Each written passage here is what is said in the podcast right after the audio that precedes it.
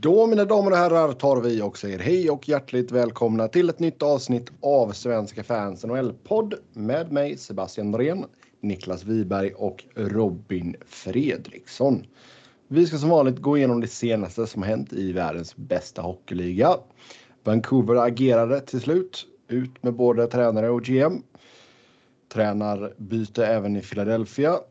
Eh, lite trade-rykten. Vi ska kolla på några listor. Och uh, sen går det rykten om Arizona också. Som vanligt. Sen ska vi ta upp era lyssnarfrågor. Fortsätta ta ut OS-trupperna för de stora nationerna. Som vanligt stort tack till er som har skrivit in. Robin Fredriksson. Ja. Mm. Travis Green och Jim Benning får båda kicken av Vancouver. Bruce Boudreau har kommit in som ny tränare och sen Stan Smile då som interim GM. Uh, tycker du att detta vore något som Vancouver borde gjort för ett bra tag sedan eller? Ja, finns, men. Finns det fortfarande chans att rädda den här säsongen? Eh, ja, det finns absolut fortfarande chans att rädda säsongen. Tycker jag. Det är mer än tre fjärdedelar kvar. Så att. Eh, eller ungefär tre fjärdedelar kvar. Mm. Men ja, det borde de gjort för många, många år sedan. Men. Eh, better late than never antar jag. Mm. Uh, fick ju en bra start i alla fall i Boudreaus första match. Man slog uh, LA med 4-0. Desto viktigare var det att han uh, droppade ett antal F-bombs. alltså han är så jäkla likeable Boudreau. Jag är så jävla bitter över att uh, Flyers inte kunde ta honom. Alltså inte bara för att han, inte för att han droppar F-bombs. Men alltså. Ja, och det är ju det som tilltalar mig med honom. Ja, ja, det kan jag förstå att du kanske gillar det. Men uh, känns bara som en jävligt god gubbe liksom. Ja, kompetent tränare också tror jag. Och framförallt en... Uh, en uh, även om han är liksom gammal rent åldersmässigt så, där, så känns han ju inte som en dinosaurie. Nej, verkligen. Inte så här utifrån i alla fall. Inte som han uppträder och, och lite, lite rolig av sig och, och kan nog sätta en bra stämning liksom. Samtidigt som han, enligt mitt tycke i alla fall, tidigare ofta har satt ett, ett underhållande spel och uh, har fått ut en hel del av materialet han har haft jobbat med. Sen uh, är det väl alltid folk som slänger upp lite lite bristande slutspelsframgångar och sådär. Men eh, jag tycker det är eh, ja, i mitt tycke den bästa tillgängliga tränaren som de får. Mm. Jag tror också det är en perfekt tränare att få in för en eh, Eh, en offensiv core som till stor del eller till viss del har stått och stampat lite i typ Pettersson som vi avhandlade förra avsnittet och Brock Bowser också till exempel. Eh, Nils Höglander kan kanske lyfta, kanske Tanner Pearson kanske kan, kan lyfta och Podkolzin och lite sånt här. Eh, jag tror absolut inte det är eh, långsökt att förvänta sig att eh, ja, en Bo Horvath också för den delen att, att det gänget kan liksom få en skjuts nu. I synnerhet kanske Horvath och Pettersson och Börser som givetvis har eh, mycket mer i sig än vad de har visat upp rent mm. produktionsmässigt. Man minns ju vilken kick Anaheim-spelarna fick en gång i tiden när han kom in efter Carlisle. Um, Men det skulle nog vem fan som helst fått efter Carlisle. Ja. Innan de gick tillbaka till Carlisle. uh... Ja, alltså han har ju bra, alltså, visst som sagt slutspelet, där saknas väl det ultimata då såklart. Men jag menar liksom. Du har ju fyra raka division-titlar med Washington. Och sen efter första säsongen i Anaheim så vann ju de Pacific fyra år på raken med honom. Uh, det var ju. Det var ju länge, länge så att han hade den där eh, enorma slutspelsstreaken. Men den bröts väl med sista åren i eh, Minnesota va? Ja, alltså han missade ju slutspel första året i Anaheim. Okej. Okay. Men då var han, det var inte en full säsong? Nej, det var det inte. Jag tror det är något sånt där att eh, hans, hans fulla säsonger hade han väl sviten länge tror jag. Men jag tycker det här är fan ta mig klockrent för Vancouver. Eh, två intressanta faktorer i, i det här är ju dock att eh, de anställer en headcoach, en högprofilerad sådan, innan man har en GM på plats. Eh, det är ju alltid lite anmärkningsvärt att eh, att, att det inte är den som man tar in som ny GM som får bestämma vem som ska vara din coach. Nu signar väl Boudreau bara två år har jag för mig. Så det skulle ju kunna ge en, mm. en ny GM lite, lite spelrum givetvis om han kommer in idag, om en vecka eller till sommaren. Nu, nu är ju Boudreau ett bra val så det är ju typ skitsamma, men det känns ju ganska stressat då att ägaren går direkt till en coach och säger vi behöver ja. eh, vi behöver få in dig nu. Vi får sätta en sportslig ledning ovanför dig efter. Liksom. Ja, exakt. Uh, och, och den andra faktorn som jag, när jag nämnde där är ju liksom att eh, Aqualini, ägaren, eh, att det är han som ska vara drivande bakom den här anställningen och eh, ja, beslutet att ta in Boudreau. Det är ju skitsamma när Boudreau är ett klockrent val, men det är ändå konstigt liksom. Så är det ju. Jo, det är helt sant. Alltså jag tyckte jag läste något rykte om att McGillis kanske skulle vara aktuell och komma tillbaka som GM. Det hade nog inte varit jättedumt. Det hade varit intressant att se honom igen, men. Eh... eh Bergevin ryktas det om också. Jag läste någonstans att eh, de kanske har ett öga på Sheika när han är välkommen tillbaka vid årsskiftet. Okay. Och Sheika är ju fortfarande ett intressant namn tycker jag. Ja, det är klart att hans första jobb när han är 20, tar över som 28 bast inte blir klockrent. Liksom. Det... Nej, och det var i Arizona med allt vad det innebär, alla utmaningar och alla begränsningar. Jag tänkte väl framförallt finns... sättet som det slutade på kanske inte var helt klockrent. Nej, det, det kan absolut bränna en del broar i NHL. Det, det kan det göra. Eh. Men jag är 100% övertygad om att han är inte den uh, första som fuskar. Han kanske är den första som åker dit och blir liksom exponerad så att säga.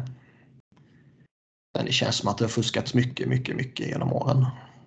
Kanske inte just med exakt den grejen, men kanske liknande grejer eller helt andra grejer. Men han är ju intressant och det skulle vara intressant att se honom i en, eh, en riktig organisation. För även om Vancouver är eller har varit en organisation i kaos rätt länge så känns det ändå som att det finns en potential där. Det är liksom en, en stor organisation med stort följe och eh, komma in oavsett om det är som coach eller som GM så finns det ju otroligt spännande pjäser på plats. De har en Thatcher Demko som borde vara värt att, att kunna liksom, satsa på de kommande åren. Och de har Quinn Hughes och Elias Pettersson och Bo Horvath och Brock Boser och ytterligare några unga lirare som är liksom i, eh, vad är de, 21-årsåldern upp till 26-årsåldern eller något sånt där. Eh, och sen så ytterligare några, några yngre då som de har draftat. Så de, på gång sådär. Så det, nej, jag, jag, tror det är ett attraktivt jobb att ta både som coach och, och GM om liksom eh, om, om, man, om man gillar den kåren så att säga. Jo, exakt. Ja, jag menar, vi, vi har ju sagt det tidigare också. Alltså, man kanske inte borde ha gått så här dåligt som man har gjort heller med detta laget. Nej, man har underpresterat grovt och, och det är väl vissa andra lite mer eh, större profiler, Friedman och sådär, som har, har pratat om att lagen som hade stora problem förra året, eh, både Vancouver och Philly här till exempel, som kickade sina coacher nu, att eh, när de problemen blev så pass stora som de blev förra året och sen så inte försvann över sommaren så att säga. Och, utan återkom nu under säsongsinledningen här och kanske blev ännu värre nu. Så ehm, kan det nog krascha en organisation rätt hårt. Och det känns som att ja, det kan nog stämma i båda de fallen. Ja. Och vi har sagt mm. tidigare, i den där jävla divisionen tror jag mycket väl att Vancouver skulle kunna börja klättra. Alltså säg att Boudreau får igång en Elias Pettersson och han börjar pumpa in eh, ett mål per match eller någonting under en kort period så plötsligt kan, kan avståndet upp till, till slutspelsplatserna krympa väldigt fort. Och eh, Benning brukar ju, han har ju byggt ett skitlag, alltså det, har han ju, men det är inte lika mycket skit som det en gång var ändå. Eh, han har ju prickat rätt med liksom att han tagit in JT Miller, Connor Garland och lite sådär. Um, det enda de skulle vilja ha ogjort från den här sommaren var väl kanske det här, ja, det här konstiga debaclet med Travis Hamonic eh, och såklart Oliver Ekman Larsson eh, dealen kanske. Um, men. Taco Pool är så jävla sjukt också. Ja, men det är ändå en minisak. Det är lite pengar. Eh, men laget är inte så illa som det var för två, tre år sedan när han hade liksom 11 forwards eller någonting som tjänade mer än 3 mille. Det var säkert stört. Mm. Eh, ja. Ja, och de man har term på nu så är det väl egentligen bara Ekman Larsson som är eh, smärtsam. Mm. Tyler Myers på två år är inte... Tyler Myers är ju nog det är ju inte ja, jätte... Men det är inte jätteextrem term på det. Det är bara två år till. Ja. ja, problemet är ju att liksom Oliver, Myers, Hammond och Pullman är signade över nästa år på ändå mm. tillsammans ganska mycket pengar. Men eh, det, det, är inte en. Eh, det är inte en miserabel eh, situation. Tyler Myers är en sån som jag tror han är ju liksom typ tradebar i ligan. Eh, ja, det tror jag. Eh, det är sjukt för han har sett riktigt stabbig ut. Ja, ja, men han. Eh, länge. tjänar bara ja. 6 mil i sammanhanget. Ja, jo. Gigantisk och så vidare. Det... Ja. Högerfattad. Jävla pylon. Ja. ja. Yes. Ja, eh, sen får jag se då exakt vem som kommer in på GM-positionen. Men eh, Boudreau som ny coach är ett bra första steg i alla fall. Boudreau ville Niklas ha till Philly för Philly kickade ju Alain Vignon och eh, assisterande Mikael Therrien. Uh, mm. Mark Gio är interim coach här nu då. Uh, hur skulle du ranka den här uh, firingen, uh, Niklas? Liksom, det, det, det, toppar ju inte när Hackstall fick gå. Det gör det inte. Nej. Toppar den när Bruby fick gå. Det är så länge sedan så man kommer fan inte ihåg allting sånt där alltså. Toppade när eh. Scott Gordon fick gå. ja, men han var ju irrelevant ju. Han var ju bara en placeholder. Men... Han sex månader liksom. Jo, men det var ju ändå... Eh, det visste man ju att det var något tillfälligt bara ju. Um, Dave Hackstall hatade man ju mer för att han var så och fortfarande är så otroligt jävla inkompetent. Han fick så eh. jäkla många år på sig också. Ja, han gjorde, det var liksom sådana extremt sjuka grejer han gjorde när han... Alltså, spelarna vi hade, hade där, alltså, som han gav stora roller. Liksom. Eh, alla brukar ju säga det att eh, hans sista match så så valde han ju att peta eh, Oskar Lindblom och sätta in Jori Lehtere. Liksom. Det, det var ju hela, hela det beslutet definierade ju hans tid i, i Flyers typ. Vigneault jag tror i grunden inte att han kanske nödvändigtvis är en inkompetent coach så. Eh, däremot så verkar han ha haft otroligt svårt att anpassa sig Eh, man ska ju alltid ta saker som kommer ut så här när en coach eller en GM eller någon stor stjärna har fått sparken eller tradats eller någonting. Eh, alla sådana saker som kommer ut då ska man ta med en nypa salt såklart. Men det har kommit ut en del om Vigneault där han eh, dels eh, liksom taktiken i största allmänhet och systemet han satte ska liksom inte ha varit uppskattat och uppfattats som eh, välfungerande. Och hela skiten med Dump and Chase var ju föråldrat enligt mig. Och eh, även om man under perioder kan liksom hitta en effektivitet i det så är frågan om det är hållbart över tid. Det tror man väl kanske inte. Första säsongen var väl ändå bra, eller? Första säsongen eh, 1920 där skulle jag väl säga var man stapplade sig fram och kände sig fram lite de första månaderna på säsongen. Eh, sen i december där så fick man ju Oskar Lindblom beskedet vilket eh, ja, sannolikt och rimligtvis eh, skakade om laget, organisationen. Och eh, därefter så lyckas man ju samla sig och från eh, årsskiftet fram till eh, ja, världen stängdes ner i mars var det väl. Så var ju Flyers på riktigt ett av ligans bästa lag om man bara tittar på eh, deras record och sådär. Och då såg det ut som att man hade hittat någonting. Och eh, då var man ju hypad som fan på att gå in i ett slutspel.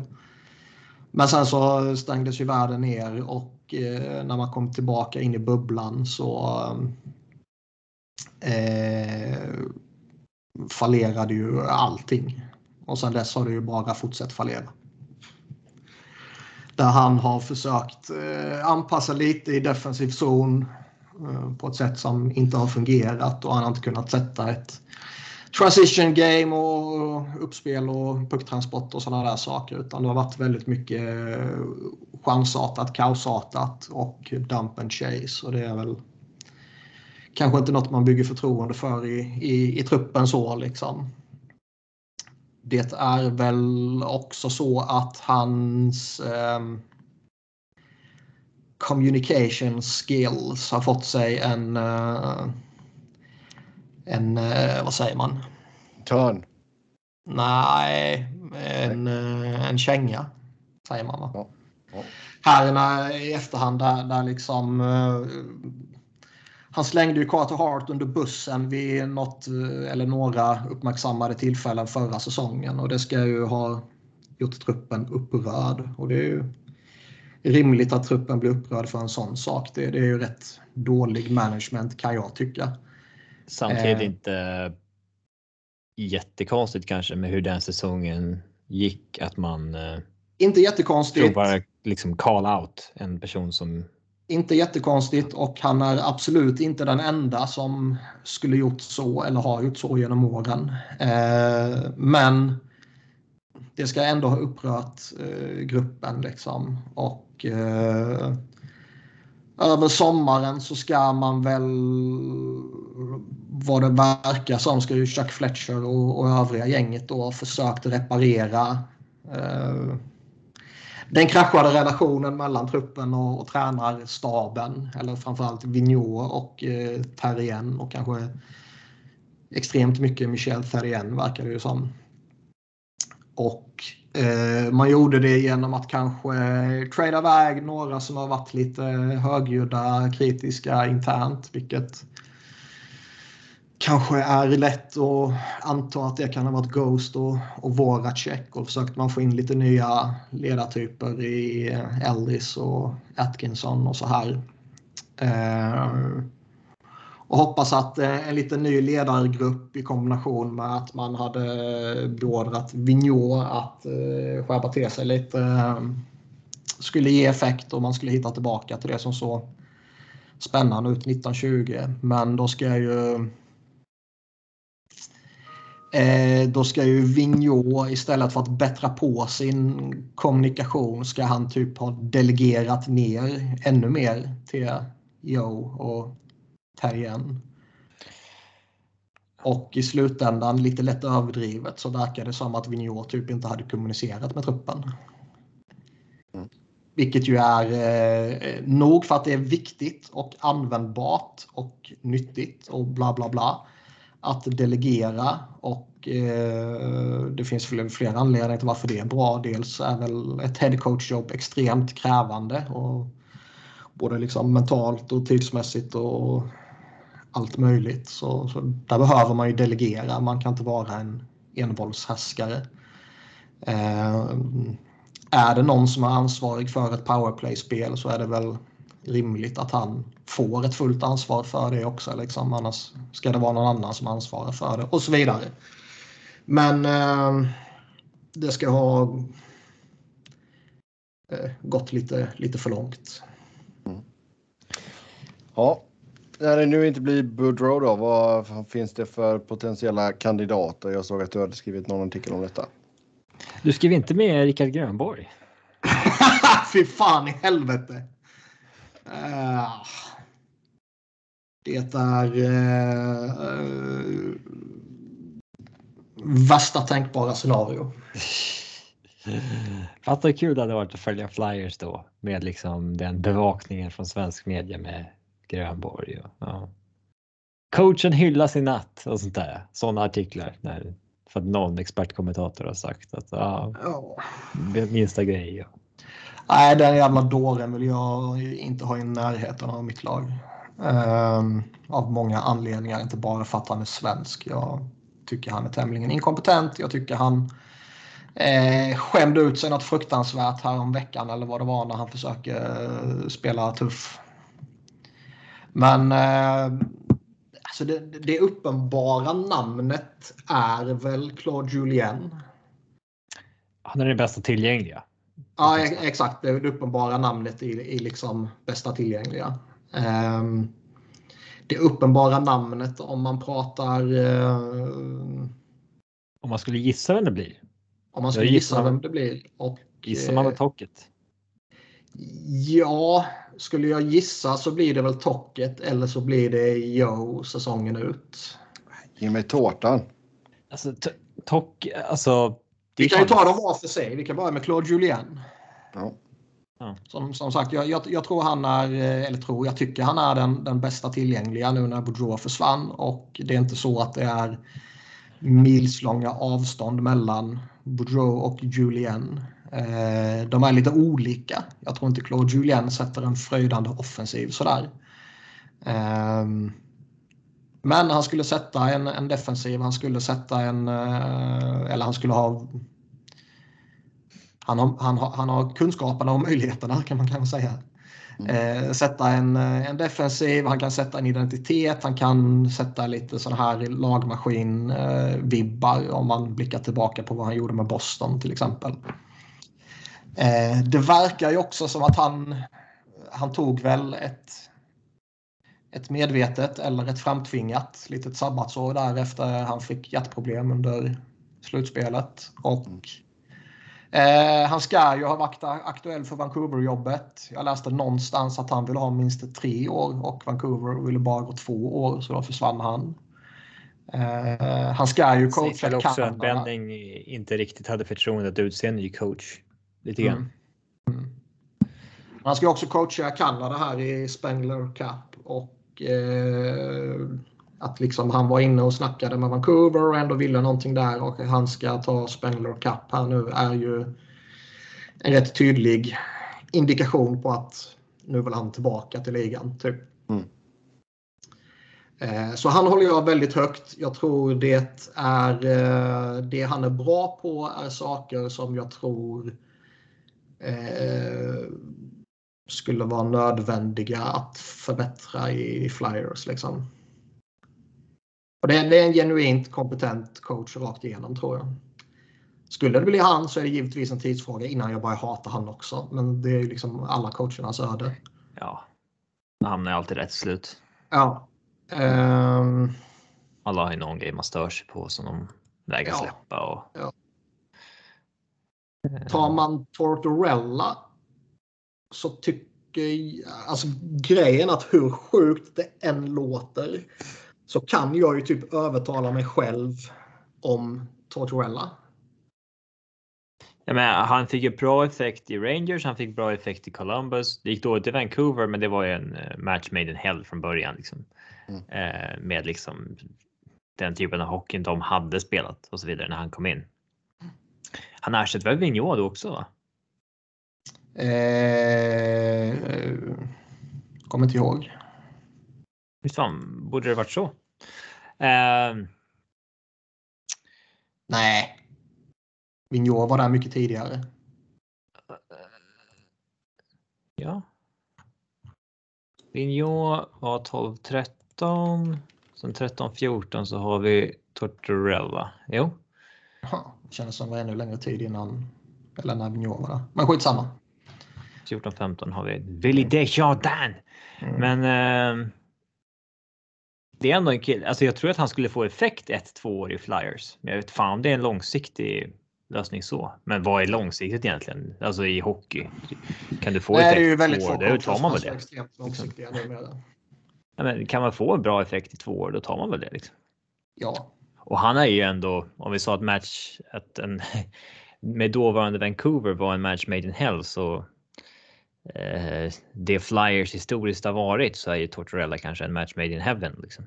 Um, det skriker ju jävligt mycket Flyers coach över honom i ett historiskt perspektiv. Definitivt. Ed Schneider hade väl nog ändå liksom hållit honom högt som alternativ. Så känns det nog. Eh, men nu är Schneider död. Mm. Så att eh, inte han som tar beslutet. Sen är det ju, jag, jag, vi har pratat om det tidigare och, och man har ju faktiskt en, en väldig respekt för Tortorella så som han faktiskt lyckades eh, revolutionera sig själv. För han kraschade som sagt eh, hårt i Vancouver. Han var ju en, en framträdande del av det här eh, World Cup-laget, amerikanska World Cup-laget som var helt absurt. Eh, och det känns som att karriären kanske stod och vägde ett år eller två eller tre eller något sånt där däromkring. Men sen har han ju faktiskt eh, anpassat sig och utvecklat sig på ett imponerande sätt. Det känns som att hans, eh, hans hockey är mer kompatibel med den moderna hockeyn och, och ledarskapet har ju eh, justerats lite jag ja. tror eh, ändå att, som, som Robin sa och, och som jag eventuellt hann säga, att eh, det skulle nog vara en bra fit, lite sådär som, som Julien. Liksom. Att han kan sätta förhoppningsvis en defensiv och han kan sätta en identitet. Eh, frågan är ju bara om man kan ta in en Tortorella när en trupp liksom har tröttnat på och gett upp om Vigneault direkt. Eh,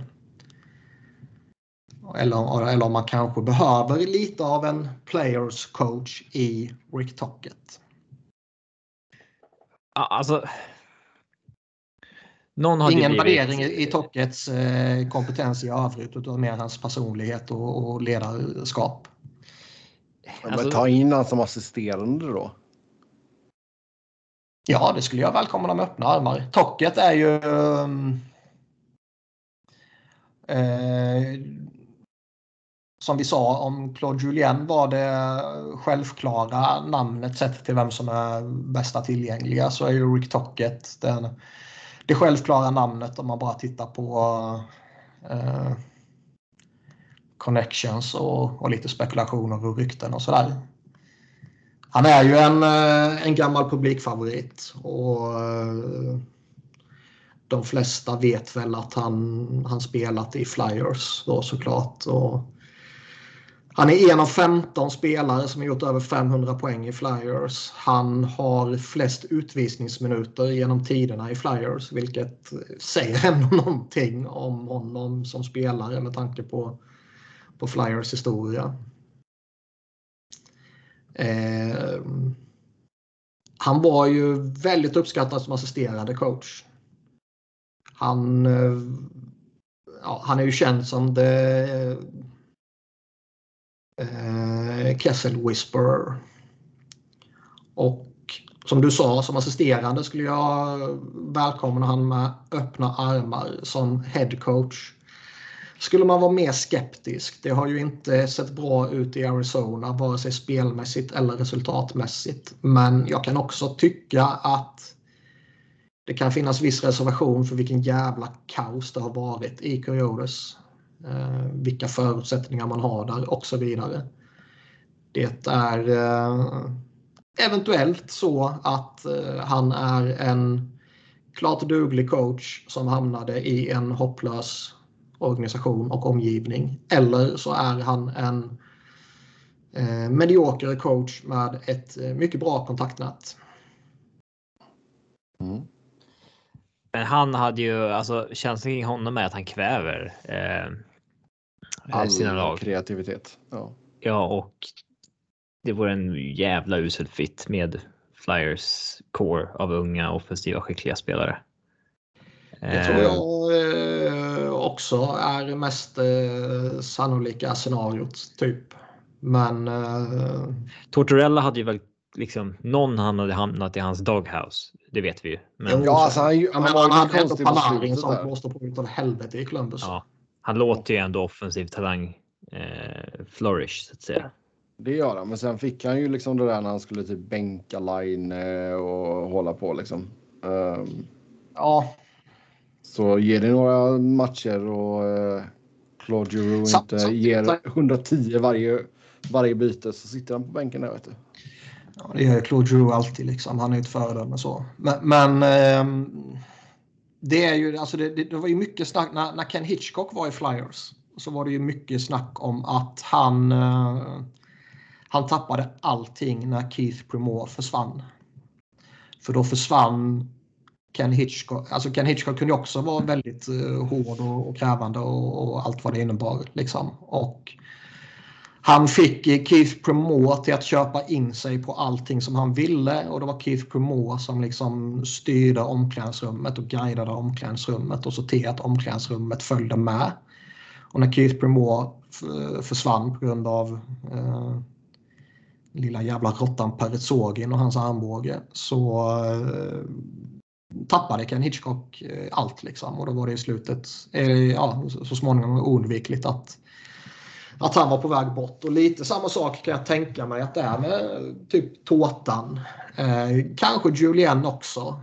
Eh, men kanske inte lika lika tydligt. Att få dem liksom med sig, få, få dem med sig Giroux och Couturier och typ Ryan Ellis. Liksom. Kevin Hayes. Då kommer resten liksom falla in i ledet. Typ. Ja, sen, har du ju Kim Atkinson som är van vid honom också så han kan ju säkert ge folk lite av en heads-up också. ja, eller så börjar han trade. ja. Men det, det, är väl de, de tre, om man tittar extern lösning, så är det de tre som jag tror är mest aktuella. Eh, och som borde vara mest aktuella. Sen, Mike Yo tror jag är... Eh, man ska väl också säga att det, mycket beror nog på vad Flyers vill göra av den här säsongen. Vilket eh, sannolikt kommer, kommer avgöras den kommande veckan eller kommande två veckorna. Eller något sånt där. Att, eh, börjar man hitta en, en seger och ett par, tre, fyra, fem segrar så plötsligt har man klättrat lite och så har man slutspelskontakt och så går man för det. Då kanske man eh, tar ett coachbeslut.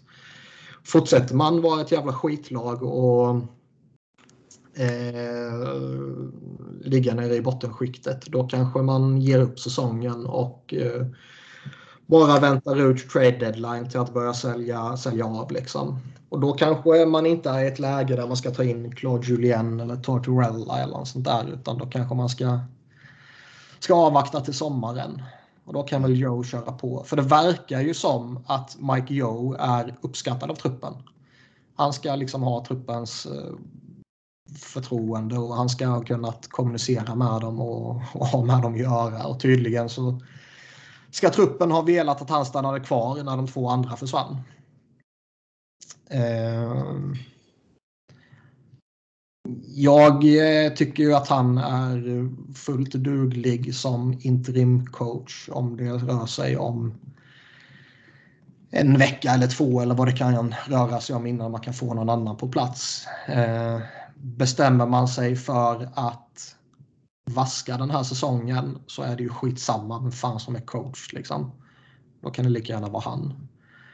Eh, bestämmer man sig för att gå för det denna säsongen så är jag ju skeptisk till om Mike Joe är rätt val. Mm. Ja, det är lite. Det är lite så. Eh, bestämmer man sig. Eh, om man tror säsongen går att rädda eller inte. Mm. Men visst, hade han, hade han inlett med tre segrar, då kan man ändå låta säga ja, men låter det gå några veckor till liksom. Eh, så länge man vet att inget annat lag liksom håller på att hugga på Julien. Eh, mm. Men. Eh, Sen ska det ju sägas att han, han, har ju gjort en sån revival tidigare när han tog över St. Louis under eh, 16-17 när Ken Hitchcock fick lämna där. Då uh, lyftes ju han ju upp och så tog han dem till, till slutspel när man nådde andra rundan. Sen ska det också sägas då att det var ju Mark som, som gjorde till att St. Louis var ett jävla skitlag. Man var väl sist i ligan har jag för mig. Året som han fick sparken och eh, jävla Craig Bruber kom in och vann kuppen med dem. Eh, mm.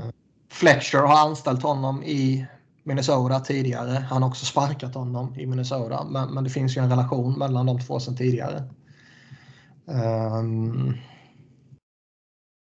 men jag är... Nej, som sagt, jag, jag, är skeptisk till att, till att ta in honom som permanent coach. Eller för den del interimcoach säsongen ut. Om man verkligen går för det den här säsongen. Mm. Då, då, då vill jag se något annat istället. Ja. Sen tror jag en sån, det har ju ryktats lite om Jimmy Montgomery också. Eh, Dallas-snubben. Ja, förlåt. Som, eh, när han kom in i Stars var han ju en extremt hypad eh, college coach. Och eh, eh, det var en hel del snack om honom. Han, eh, eh han tog ju Dallas till slutspel direkt och sen så eh, blev det ju lite uppmärksammat när han fick lämna och det visade sig att han fick checka in på rehab för lite alkoholproblem.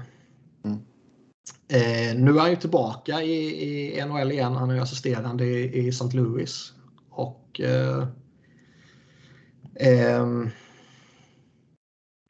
Det finns ju en osäkerhet och en eh, historia och ett bagage hos honom som eh, man kanske vill undvika. Ehm, samtidigt så är det eh, ett halvintressant namn fortfarande ändå tycker jag. Han har också en spelarbakgrund i Flyers organisation. Um, jag ger ju hellre en sån snubbe en andra chans i ligan än man liksom ger Babsan en ny chans. Ja. Ja, alltså det finns ju hur många coacher som helst som har gjort ett ett jobb på ett ställe och sen så funkar det jättebra på nästa. Det, ja det, folk lär sig sina misstag. En kår passar inte dem och en arbetsmiljö passar inte dem. Det kan vara. Det kan vara vad som helst. Du kommer aldrig hitta en coach som liksom lyckas på varje jobb utan det. Mm. Eh, Sen är det väl också så att eh, jag menar äh, även om många är skeptiska till, till, till Flyers och deras lagbygge nu med tanke på hur säsongsinledningen har varit så tycker jag ju inte att de är så dåliga som eh, poängtotalen indikerar. Eh, nu har Kevin Hayes kommit tillbaka. Det verkar som att Ryan Ellis snart är tillbaka. Och eh, man ser ju titt som tätt, senast nu bara i Calgary till exempel, att en underpresterande roster kan få ett väldigt lyft bara av att det kommer in en kompetent eller rätt tränare. Ja. Um, man såg det med Chelsea när, när Tuchel kom in till exempel för att ta någon annan idrott. Och eh, jag tror den här säsongen fortfarande är räddningsbar. Jag tror fortfarande den här rostern är räddningsbar om, om rätt person kommer in. Och eh, man får, ja, det återstår väl att se. Ja. De har ju också de har ju torskat tio raka nu. Spelar här i natt så imorgon när folk lyssnar på det här så kan de ju ha torskat tio raka. Det har de gjort tidigare och tagit sig till slutspel ändå. så mm. jag menar. Har man gjort det en gång kan man göra det två gånger.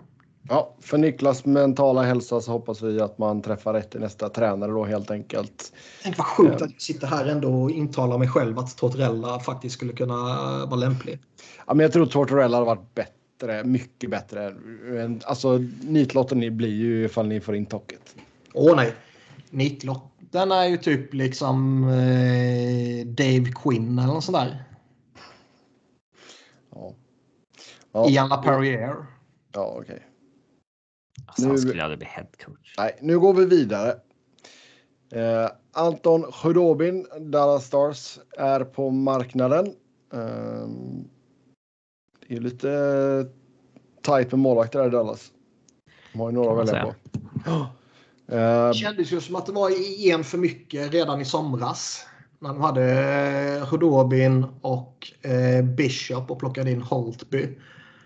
Och nu har dessutom Jake Ottinger eh, börjat göra det hyggligt. Ja, jag menar det är väl framtidsnamnet där, Ottinger. Um, Bishop är fortfarande skadad. Um, han är ju nere i AHL, eller ska, ska ner till AHL. Jag kommer ja. inte exakt för conditioning. Jo, exakt. Så han borde ju snart vara uh, friskförklarad och sitta mm. på fyra målvakter som alla ska och eller vill eller måste vara i NHL är ju eh, problematiskt. Ja, alltså de kan ju skicka ner Ottinger. Han är ju waivers exempt, men det är ju inte. Han har nästan varit för bra för det. Visst, det är bara sex matcher, men ändå. Ja, alltså jag tycker definitivt att han borde vara en av en av två eller en av tre om man nu väljer att ha tre målvakter uppe. Så det Hudobin signade även nästa år också. Det gör ju mm. honom ganska svår flytta tror jag. 3,33333. Ja. Hög lön också. Alltså det är mm. inte. Ja. Han haft utgående så tror jag många hade struntat i att han har inlett säsongen dåligt och så vidare. Utan... Ja, då tittar man bara på slutspelet. Ja. Men han har fallit en del efter det. Han var hypad som fan och förmodligen hjältestatus efter, efter det slutspelet. Även om det slutade ja. som det slutade. 35 bast. Mm.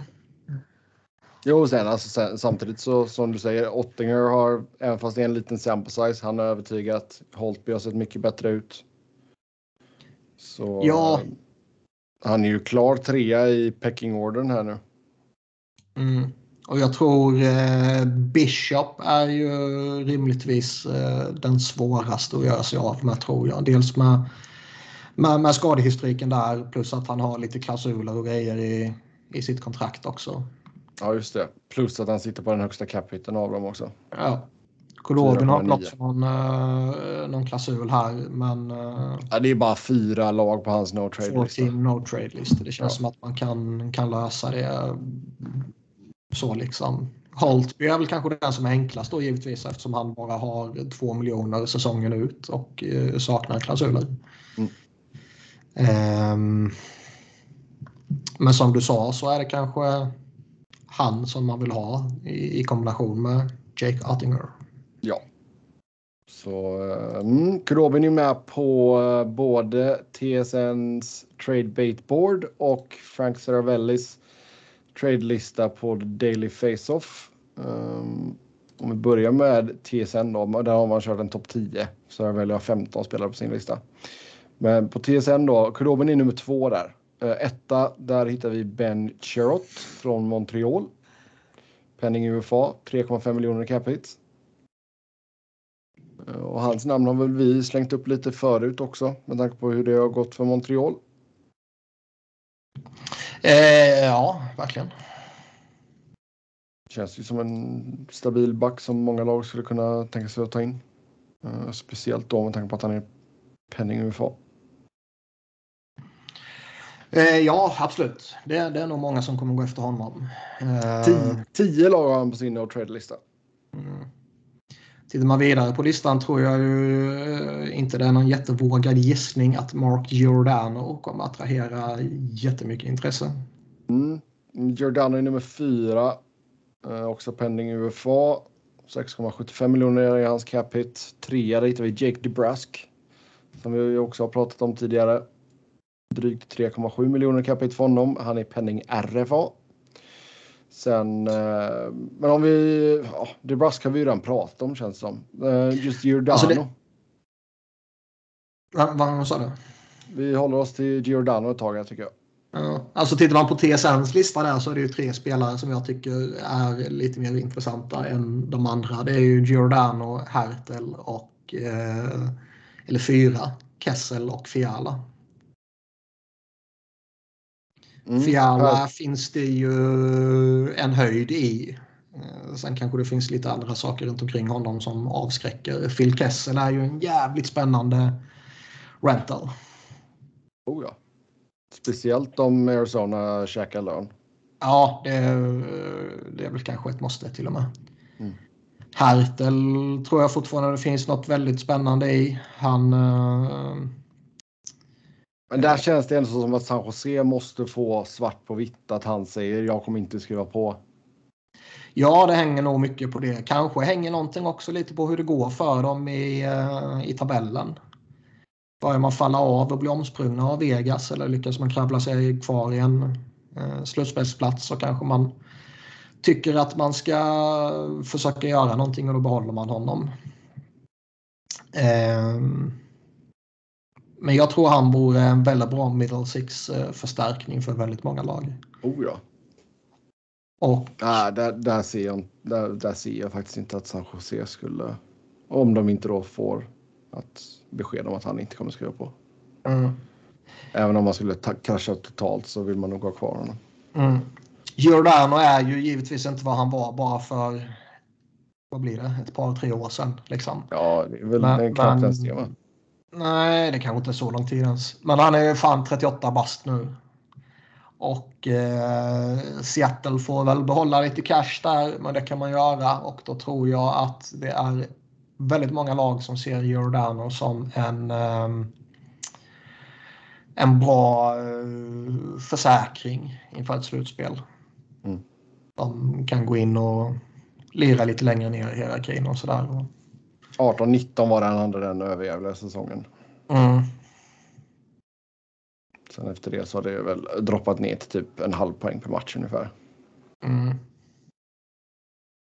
Så visst. Nej, men alltså få in lite rutin, få in en ledare i gruppen och allt sånt där. Det är ju ofta sådana här intangibles som de gillar. Många lag ja. inför ett slutspel. Vinn för Mark. Det är nog någon som skulle kunna sälja in där. Ja, mycket möjligt. Eh, ska vi se, vi kan bara beta av de andra namnen här också på TSNs lista. De vi inte har nämnt är Nick Leddy. Vitali Kravtsov och Evander Kane. Alltså okay. Evander Kane verkligen tradebar? Ja. Som vi, om jag kommer ihåg om det var förra eller förra, förra veckan. Men får man liksom han till en fjärdedel av priset. Ja, just det. Ja, ja, jo, till slut kanske de betalar någon för att ta honom. Ja. Då, äh, ja. Ja. ja. Eh, på Saravellis lista där är Jonas Korpisalo etta. Columbus målvakten penning UFA 2,8 miljoner i capita. Och som sagt. Det har alltid varit en begränsad målvaktsmarknad innan uh, slutspelet. Så uh, det kanske inte är jättemånga alternativ för honom.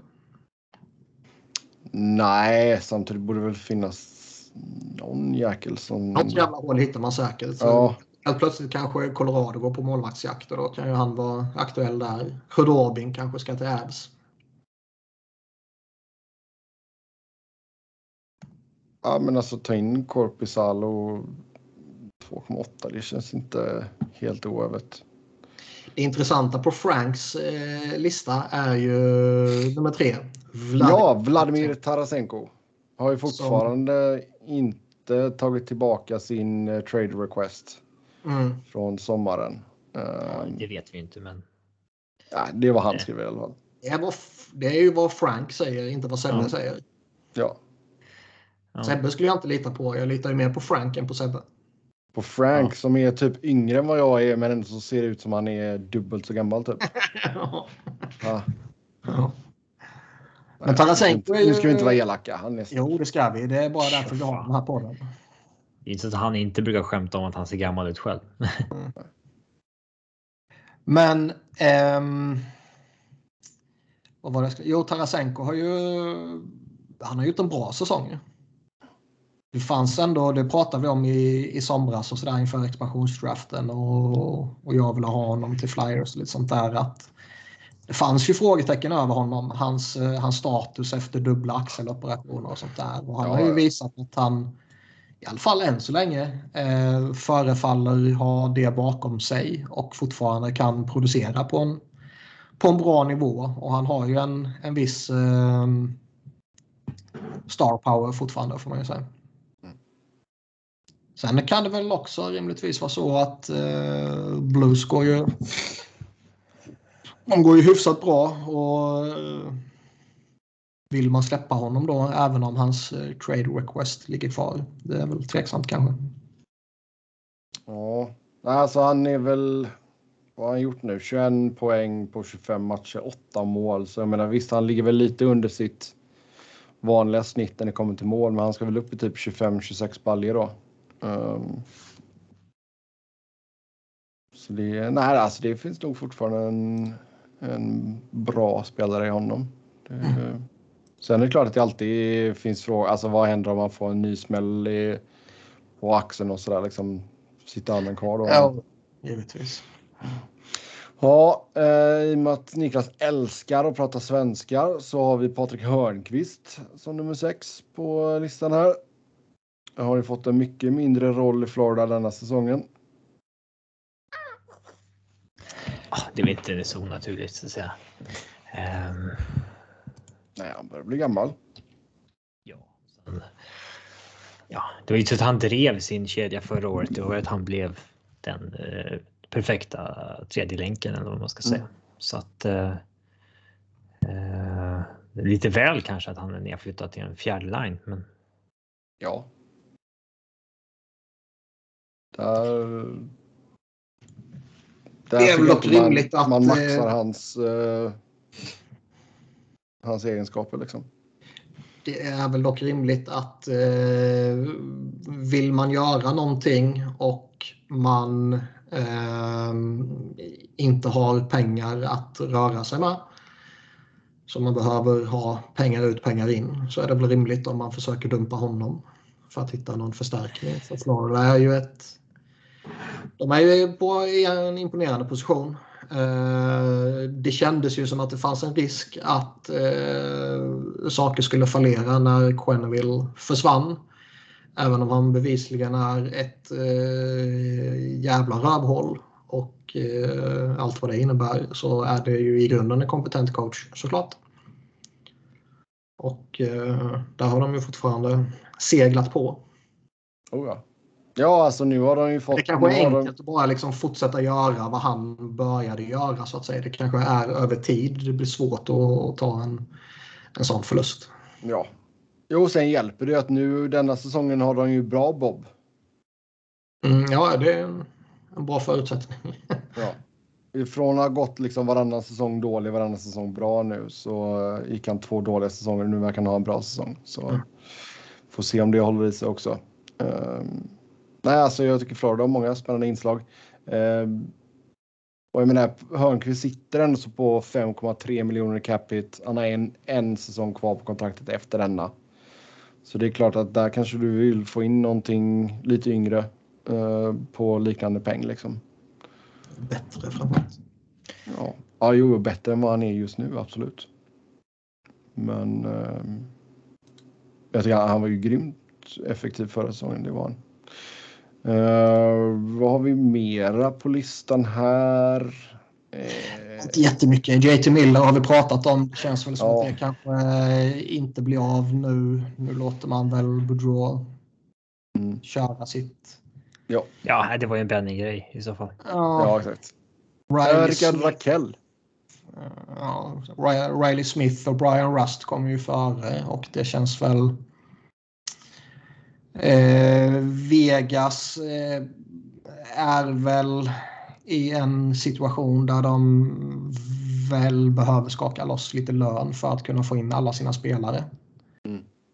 Och då är väl han eh, högaktuell att offras, känns det som. Ja. Jag tror väl inte kanske så att de eh, vad säger man, desperat bara vill dumpa honom för uh, att han är skräp. För det är han ju inte. Men uh, han är pending UFA, han är 30 bast. Man vill kanske inte skriva ett nytt kontrakt med honom och behöver man skaka loss lön så är det kanske man, eller han man släpper då. Mm. Brian Rust släpper väl Pittsburgh om uh, säsongen är körd. Och det är den ju inte ännu. Nej. Nej, men, och sen det blir väl lite samma grej för, för Anaheim kanske. Alltså så länge man är med i racet så kanske man inte släpper Raquel, men han är ju pending UFA också. Uh, börjar bli lite så här smyggammal, 28 år. Hade de... Uh jag kommer inte ihåg vad snubben hette. Men blev han GM på riktigt eller blev han interim GM? Uh, eh, nej, han är väl interim Jeff Solomon. Solomon var det, uh. ja. Frågan är hur mycket uh, en sån snubbe får göra. Ja, alltså du har ju ett par namn. Alltså Raquel är ju liksom ett legit namn och sen har du ju både Hampus Lindholm och Josh Manson som är penning UFAs på backsidan också. Uh. Och du har Ryan Getzlaff. Ja, men där kanske man kan lösa en till sån här ettårsgrej om han nu vill fortsätta spela. Ja, eller så eh, vill han ut och jaga kuppen den här gången. Om de faller av, ska man säga. Jag tänkte säga, alltså hade han inte redan Ligger de liksom i, på en klar slutspelsplats då kommer man väl inte sälja av. Det känns ju jättekonstigt. Ja. Mm. Mm, vi tar väl och går vidare då. Eh, rykte om att Arizona ska vara upp till försäljning och att man då kan flytta till Houston. Eh, jag skulle inte lägga över jättemycket vikt vid detta. Det är ju en tjomme på Forbes som har skrivit detta. Som har Återigen, varit ut... jag har lite mer förtroende för Forbes än vad jag har för Sebbe. ah, inte för den här killen skulle inte jag ha. Jag säga. Han har varit ute och svingat förr. Det har du också. Jag brukar, jag brukar inte svinga så mycket faktiskt. Om vi ska vara helt ärliga. Um, men uh, nej, Craig Morgan uh, som brukar vara på The Athletic. Uh, fick ju tag på någon i ägargruppen. Och allt, alltså jag, jag, ser inte varför Arizona ens skulle gå igenom allt eh, jobb med att liksom få in förslaget till ny arena i Tempe och anställa folk och skit om man bara skulle sälja och flytta till Houston. Ett sista desperat försök. Man måste väl fortfarande hålla verksamheten igång tills man har sålt, eller vadå? Ja, men då skulle du väl lika väl kunna hitta någon annanstans att hyra. Då behöver du inte lämna, liksom komma med värsta grejerna för att bygga nytt och sådär. Så det... det kanske är sista desperata försöket. Man behöver köra det och funkar det så kan man stanna. Funkar inte det så nej, då måste man kanske sälja och säljer man så känns det ju i alla fall som läget är nu som att eh, en flytt till Houston är högaktuell. Houston har vi sagt, det är ju en jättemarknad. Det är en av de, de största städerna. Och, mm. eh, eh, jag tror det var något sånt där typ att eh, det är den enda av topp 10 städerna i USA som eh, NHL inte är inne i. Jag för, något sånt var det i alla fall. Alltså... Där, där, som sagt, det är en marknad man vill in i.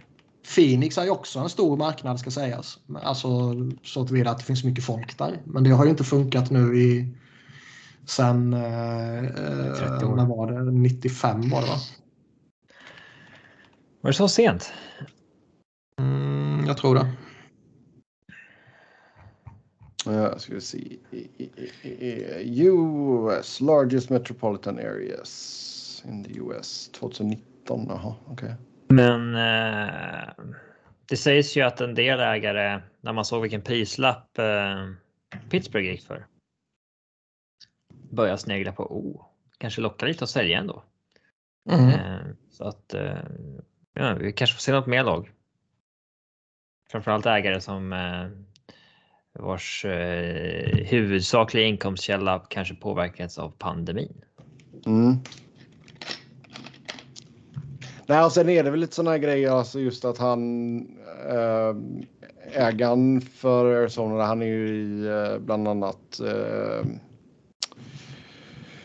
äh, vad heter det? Kasinobranschen. Det känns som att den har blivit lite lidande väl? Ja, men samtidigt gör hans ägande i Arizona att han kan få typ någon jävla gambling license grej. Och... Just det, jag har jättemycket snack om det. Ja. Så som sagt, jag, jag skulle inte lägga för mycket vikt vid detta ifall jag var Arizona-supporter. Um, jag väljer men... att inte tro dig för det är roligare.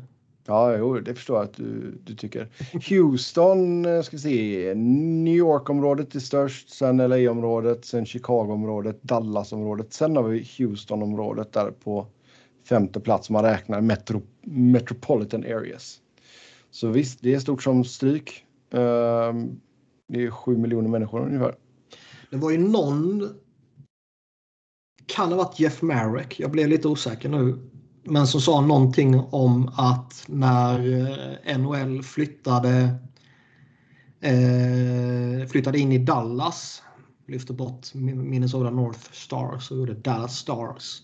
Mm. Så hade man en långsiktig plan på att ge dem en Texas eh, rival i Houston. Mm. Mm. Det var ju rätt länge sedan Dallas eh, blev till så det är en jävla långsiktig plan i så fall. Ja, verkligen. Vad hade de? Houston Aeros? Mm. Nej, men visst, alltså sen jag menar, det har ju inte funkat. Alltså Atlanta, det är ju en större metropol än Phoenix till exempel. Där funkar det inte heller. Um... Nej, och där provade de två gånger. Ja. Så, så visst. Alltså det var väl därför Houston var lite uppe i snacket också innan Seattle fick sin. För jag menar, där är ju det är ett ganska långt hack ner till Seattle-metropolen, även fast den fortfarande är stor. Liksom. Det är fortfarande typ fyra mille. Mm. Det, ja. ja, det är ju alltså många. Fan, jag undrar hur många, det går säkert att googla, men just hur många metropoler man har med över en mille. Det, måste, det är nog en del. Mm. För liksom jag tror bara, alltså ja, Bakersfield, det, det kändes ju som en håla liksom, men det var ju fortfarande typ 300-400 000 människor tror jag. Inte mer. Mm. Ja, 380 000. Så visst. Mm. Eh, då tar vi och eh, gå vidare. Uh, nu när jag har snackat skit om Forbes så ska vi ta en titt på deras lista. uh, jag har hyllat dem då. Mm. Eller det kan vara att jag slängde skit på dig än hylla dem. New York Rangers blir första hockeylaget som värderas till 2 miljarder dollar. Mm, en del pengar. Ja, uh, och de är ju lite panniga här med sin inledning också. The ice is hot. Uh, average team value har gått upp med 32 procent. Uh, och så då den stundande försäljningen av Pittsburgh för 900 miljoner dollar. Men alltså det, det, är, det är väl några, några faktorer påverkar väl. Det påverkas väl av att Seattle kommer in och, och pungar in pengar. Liksom. Det påverkas väl av lite tv. Nya, nya tv-avtalet ja. Det påverkas väl av att Pittsburgh värderades på 900 miljoner liksom. Mm. Eh, Islanders nya arena. Ja, det påverkas väl också av rimligtvis och jag ska vara absolut helt öppen med att jag kan inte ett skit om ekonomi. Men det påverkas väl också av att man har kommit ur pandemin så tillvida att man eh, spelar mer eller mindre ordinarie arenabeläggning. Liksom. Ja, ja Eller alltså, göra det i alla fall. I relation till förra året borde ju det påverka, tycker man. Jo, ja. Flyers eh, gått upp i value också. De håller på och renoverar Wells Fargo Center. Mm. Så visst. Uh, det är ju helt... det Men det, alltså det, det är ju lite galet ändå att Madison Square Garden har genomgått en renovation för en miljard dollar. Mm. Den... Eh, jag kommer inte ihåg om den var klar eller bara delvis klar. Här, hur mycket kan man göra för 10 miljarder kronor inne i den arenan? Ja. Har man liksom prytt hela arenan med guld? Ja, men liksom det, du har ju de hela, du har ju de hela, du har bara skalet kvar liksom. Den var, den var väldigt fallfärdig tyckte jag och den är ju gammal. Det har varit mycket jävla skit där från idrottsevenemang till konserter och, och, och allt möjligt liksom. Men jag för mig att renoveringen var klar, eller i alla fall typ klar, när jag var där senast. Och det är ju när jag och Emil var där. När fan var det? Jag vet inte, men ni borde ha gjort en resedagbok. Um... Eller gjorde jag inte det? Jo, det måste jag ha gjort. Nej, det kommer inte ihåg. Jag kommer ihåg, fan kan det ha varit? Ja. Kan ha varit 16, 17 kanske? Mm. Ja, eh, sponsorpengarna har gått upp och bla bla bla. Så eh, ja, det, Rangers etta då, 2 miljarder dollar. Det är också det här med eh, tröjsponsorer. Mm. Ja, sponsorpengarna har gått upp. Ja, men jag ville vara... Ja, ja, men du har tröjsponsorer, du har hjälmsponsorer. Snart kommer väl uh, målvaktsskyddssponsorer. Sponsorer. Ja, fast så får de börja spela med sussen uh, utanpå byxorna. Det är nog inte så bra. Uh, Rangers då 1 2 miljarder. Toronto 2 1,8 miljarder. Montreal 3 1,6 miljarder. Chicago 4 1,4 miljarder. Boston 5 1,3 miljarder. Mm. Jag kan gott nämna sjätte laget också. Mm. Philadelphia Flyers 1,2 miljarder. Um... Men du har åtta lag som är, alltså, värderas till över en miljard. Mm. Kings i åtta, strax över en miljard. Ja, vi kunde dragit strecket under sjätteplatsen. Nej, men det, alltså det är väl inga... Eh, Topp 6 är ju lag som alltid är där uppe i alla fall. Edmonton skrev de ju någonting om att de typ hade undervärderat deras eh, typ marknad. Så de har ju de har ju förbättrat sig med 100 procent. Och det är väl en effekt av att då Forbes typ har underskattat dem tidigare. Ja. Eh, annars är det ju de vanliga lagen där uppe. Det är väl de vanliga skitlagen i botten också. Med Florida och Arizona. Och... Ja, från botten så har du Arizona 400 miljoner, Florida 450 miljoner, Columbus 475, Buffalo 500. Mm. Fortfarande fascinerande att Carolina är så pass långt ner som man ändå är med tanke på eh, att, att man ändå går bra. Liksom. Helt, eh. Där kan väl marknaden spela in lite också va? Ja, jag tänkte säga det. Marknaden spelar väl in och eh, det är väl inte det eh, mest hypade laget utanför NHL-kretsar så direkt. Nej. För jag menar, liksom, det är ju... Ja visst, åtta varje lag 28 liksom. Men, eh, men att Winnipeg liksom ändå är 20, lag 26, 575 miljoner. Det har väl också med marknaden att göra, även fast man är liksom kanadicker. Mm. Eh, men det är ju kul att eh, LA är så pass mycket eh, högre värderade än Anaheim. Nästan 400 miljoner. Har vi Colorado? 22 630. Oh, jävla Stan Kroenke. Mm. Stanley. Silent Stan. Den här podden har inte flygit sen vi började snacka Forbes alltså. Det väl kul att bara sitta och höra oss Nej, säga massa jävla nummer. Så astronomiska summor som ingen riktigt kan greppa liksom. Ja, men om de levererar till 630 eller 730, vem? Who cares? Ja. Ha, då eh, tar vi och glider in på lyssnarfrågorna. Som vanligt stort tack till er som har skrivit in. Vi ska fortsätta ta ut eh, OS-trupperna för de stora nationerna. För det var någon som bad oss om kvar, det. Eller? Vi har Finland kvar. Nu ska du inte vara elak. Nu ska du inte vara elak. Ska vi snacka något ju, om Pionk situationen eller? De hade ju sin uh, självständighetsdag här för någon dag sedan. Uh, spetsa Pionk, ja, det kan vi väl göra sen. Uh, nu tar vi ut Finlands OS-trupp. Ja, vi kan snacka, vi kan snacka Seagrass Milano-målet också om du vill göra det. Nej, det finns inte så mycket att säga om det. Ja, det, är liksom... extremt, det är extremt snyggt. Det är, men jäklar, det är inte bra försvarsspel av Buffalo där. Um, och folk agerar som att det är första gången vi ser någon slänga upp en puck över mål. Så där. Det, det har man ju ändå sett för. Det här är ju bara att mm. någon smashade in den. Det var väl den enda skillnaden. Mm. Ja, Finland då. What about Finland? What about them? Vi ska ta ut uh, tre målvakter. Till att börja med.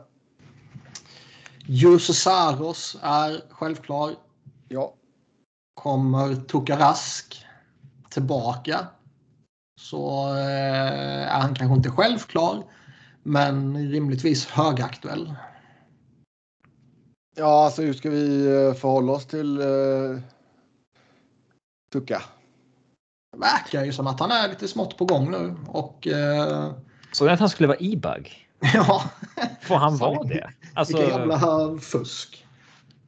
Då kan de väl bara kalla honom för IBAC hela säsongen då och så inte ha någon lön på honom. Jag vet dock inte om det syftades på att han är IBAG på deras träningar typ. Nej, det var på Eller om han var det på riktigt i arenan på matcherna. Var det det? Det innebär ju då att de andra laget hade fått sina skadade. Då hade de fått hoppa in där. Mm. Ja, men ska vi säga att Tucka är med eller? För då tar vi väl med Ja, honom. det finns ju ingen konkurrens. Ja. Um, Sen är det alltså. Ah, Lankinen, alltså. Koskinen, pick up poison. Men... Ja, jag tänkte säga eller Juha Metsola från KHL. Äh. Ja, best save percentage i den ligan. Ja. Harry det... Säter är bra också. Man vet aldrig. Finnarna har ju lite mer känns det som i eh, KHL än vad typ Sverige har. Liksom. Ja, exakt. Så där bör nog eh, någon ligga bra till och då tror jag Metsola kan vara ett namn ja. där. Oavsett så är det ju faktiskt så att tredje målvakten i Finland är otroligt ointressant om man har Jussi Saros och Tukarask. Ja, det är det väl. Det är det väl. Mm. Eh, backar då. Heiskanen och Lindell bildar första par, eller? Ja, det är väl inte omöjligt. De har inte så mycket alternativ här till Finland. Det var inte alls lika eh, bäst utbud som Sverige. Nej. Nej. Men eh, ja, Nej, alltså, det är ju Lindell är ju jättegivna eh, såklart. Ristolainen är tämligen självklar eh, också. I, uh, ja, exakt. Hackenpää också. Eh, Sen så är det väl lite intressant. Föredrar man liksom Välimäki eller Jocke eller både och eller Nuttivaara? Alltså. Kan man nog vända och vrida lite, men. Eh, Har Olli Märta varit i LA? Med. Fantastiskt. Med. Mäta har varit med. Mm. Mätt. Ja. Eh, Ge mig Honka nu. nej. De har, ju- Nej, men de har ju också någon sån där, de kan också plocka någon jävel från eh, KL eller Finland eller sånt där. Det vet man aldrig. Framförallt i backsidan känns det som. Mm. Oliver Kaski är bästa poängplockande backen i eh, KHL bland finnarna. Mm. Säger mig inte ett skit. Nej, han har gjort 26 poäng på, tre, eller, ja, 26 poäng på 37 matcher. 9 mål, 17 assist för Avangard Omsk. Ja, det kan ju mycket väl finnas någon eh, succé, finsk succéback i någon av de europeiska stora ligorna som man inte tänker på. Och det får man väl ha lite slä, slänga in i, i bakhuvudet sådär. Men är fan rätt ointressanta Finland alltså. Ja, men det, alltså det, det kan väl komma med någon KHL eller ligaback eller SHL-back i liksom 7-8 kanske. Men som sagt, jag tror Heiskanen, Ristolainen, Lindell, Hakanpää är eh, givna. Liksom. Sen är det nog en crapshoot vilka fan man Ja. tar övrigt. Men man Mm. tar väl ut Mäte, Jokiharju, eh, Välimäki och sen. Eh, jag vet inte om man tar Mikko där eller Thomson eller. Ja. Eh, Ja. Nut- Nuttivaara skulle jag ta för att jag känner till honom bättre än Mikkola och Mm. eh, Thomson. Mm. Ja, det är sant. Yes, uh, forwardsidan ser ju lite roligare ut kanske. Uh, Ja. om vi börjar med eh, Sebastian Aho då. Är väl... eh, Är det han eller Barkov som är första? nej, jag tänkte säga, du sätter nog Aho i första och Barkov i andra. Ja, det. Barkov är en mycket bättre spelare, men eh, skitsamma. Vem tror du Rantanen funkar bäst med? Eller är det skitsamma? För det blir ju lite så att de- den centern som får Rantanen borde väl bli lite sådär. Det är nog första kedjan. Mm. Ja. Man sätter nog en. Du kör ju Aho med Terraveinen och sen kan du ta Rantanen eller Puljujärvi typ. Ja, det är rimligt att spela de två tillsammans i alla fall. Ja.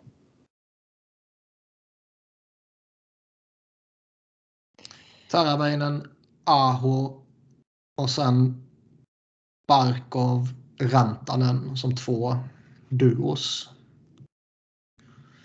Och sen har vi Micke Granlund som har faktiskt varit jättebra denna säsongen. Man har en Patrik Laine som givetvis ska sättas in i en ordentlig omgivning. Mm. Men har vi, så- alltså- ha- hade vi topp sexan klar nu utan line eller? Vilken, Nej. Vem är det ni inte har sagt då av dem som man annars är given? Aho och Terraveinen är- blir en duo Med? med antingen Rantanen eller Puljujärvi. Ja, men då säger vi att det är Puljärvi då för enkelhetens skull. Ja. Så är det, Då, då då det, kör du då Barkov. Granlund, Bark, Barkov, Rantanen. Nej. Då har ni sex. Eller kör du Granlund som center i tredje. Okej. Slänger ju hellre in... Och Då spelar ju Line i topp 6 med eh, Barkov och Rantanen. Och båda är slänger ju hellre in Laine i topp 6 än Puljujärvi. Inte för att Puljujärvi var dålig, men det finns en jävla höjd i, i Laine som Finland kommer behöva. Ja, men du får Ja. båda i topp 6 där. Om du kör Granlund som tredje center. Ja, eller så har Granlund varit för bra för att vara där nere. Kanske. Men nu sätter vi han som tredje center. Då får han spela med Rope Hintz och Kasper. Kapanen eller eh, Donskoj kanske. Ja, Sjukt att ska inte gjort något mål i Seattle. Mm. Ehm. Men jag, jag skulle väl säga att Granlund är tredje center och Rope Hintz fjärde center kanske. Ehm, alltså om- man ska sprida ut centrarna. Sen behöver det inte vara en naturlig fjärde kedja liksom. Men Ah, eller kör du Kotkaniemi som fjärde center och kör Rope på en vinge. Kotkaniemi med ens med. Ja, Känns det gör han inte självklart. Han är Eller? nog eh, på gränsen. Tror jag. Jag tror eh, alltså vad sa Det finns många intressanta. Alltså Erik Haula, Joel Armia. Lundell måste ju med. Kapikaku. Alltså ja, det finns nog många som ändå är ganska eh, i samma kategori så att säga. Kasper Kapanen ska väl med och. Säg att vi har en tredje med Kasper Kapanen, eh, Granlund och Lundell. Mm. Så har du en fjärde med Hins Donskoj. Då är det en plats kvar. Det kan gå till Arturi Lekkonen.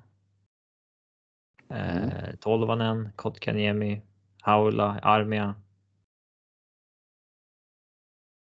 Eller någon jävel i Europa. Ja, vad har du där? Där har du väl Niko Ojamäki. Eh, 37. Han har gjort 25 baljer på 38 matcher. Ja, det är en kille med koll på.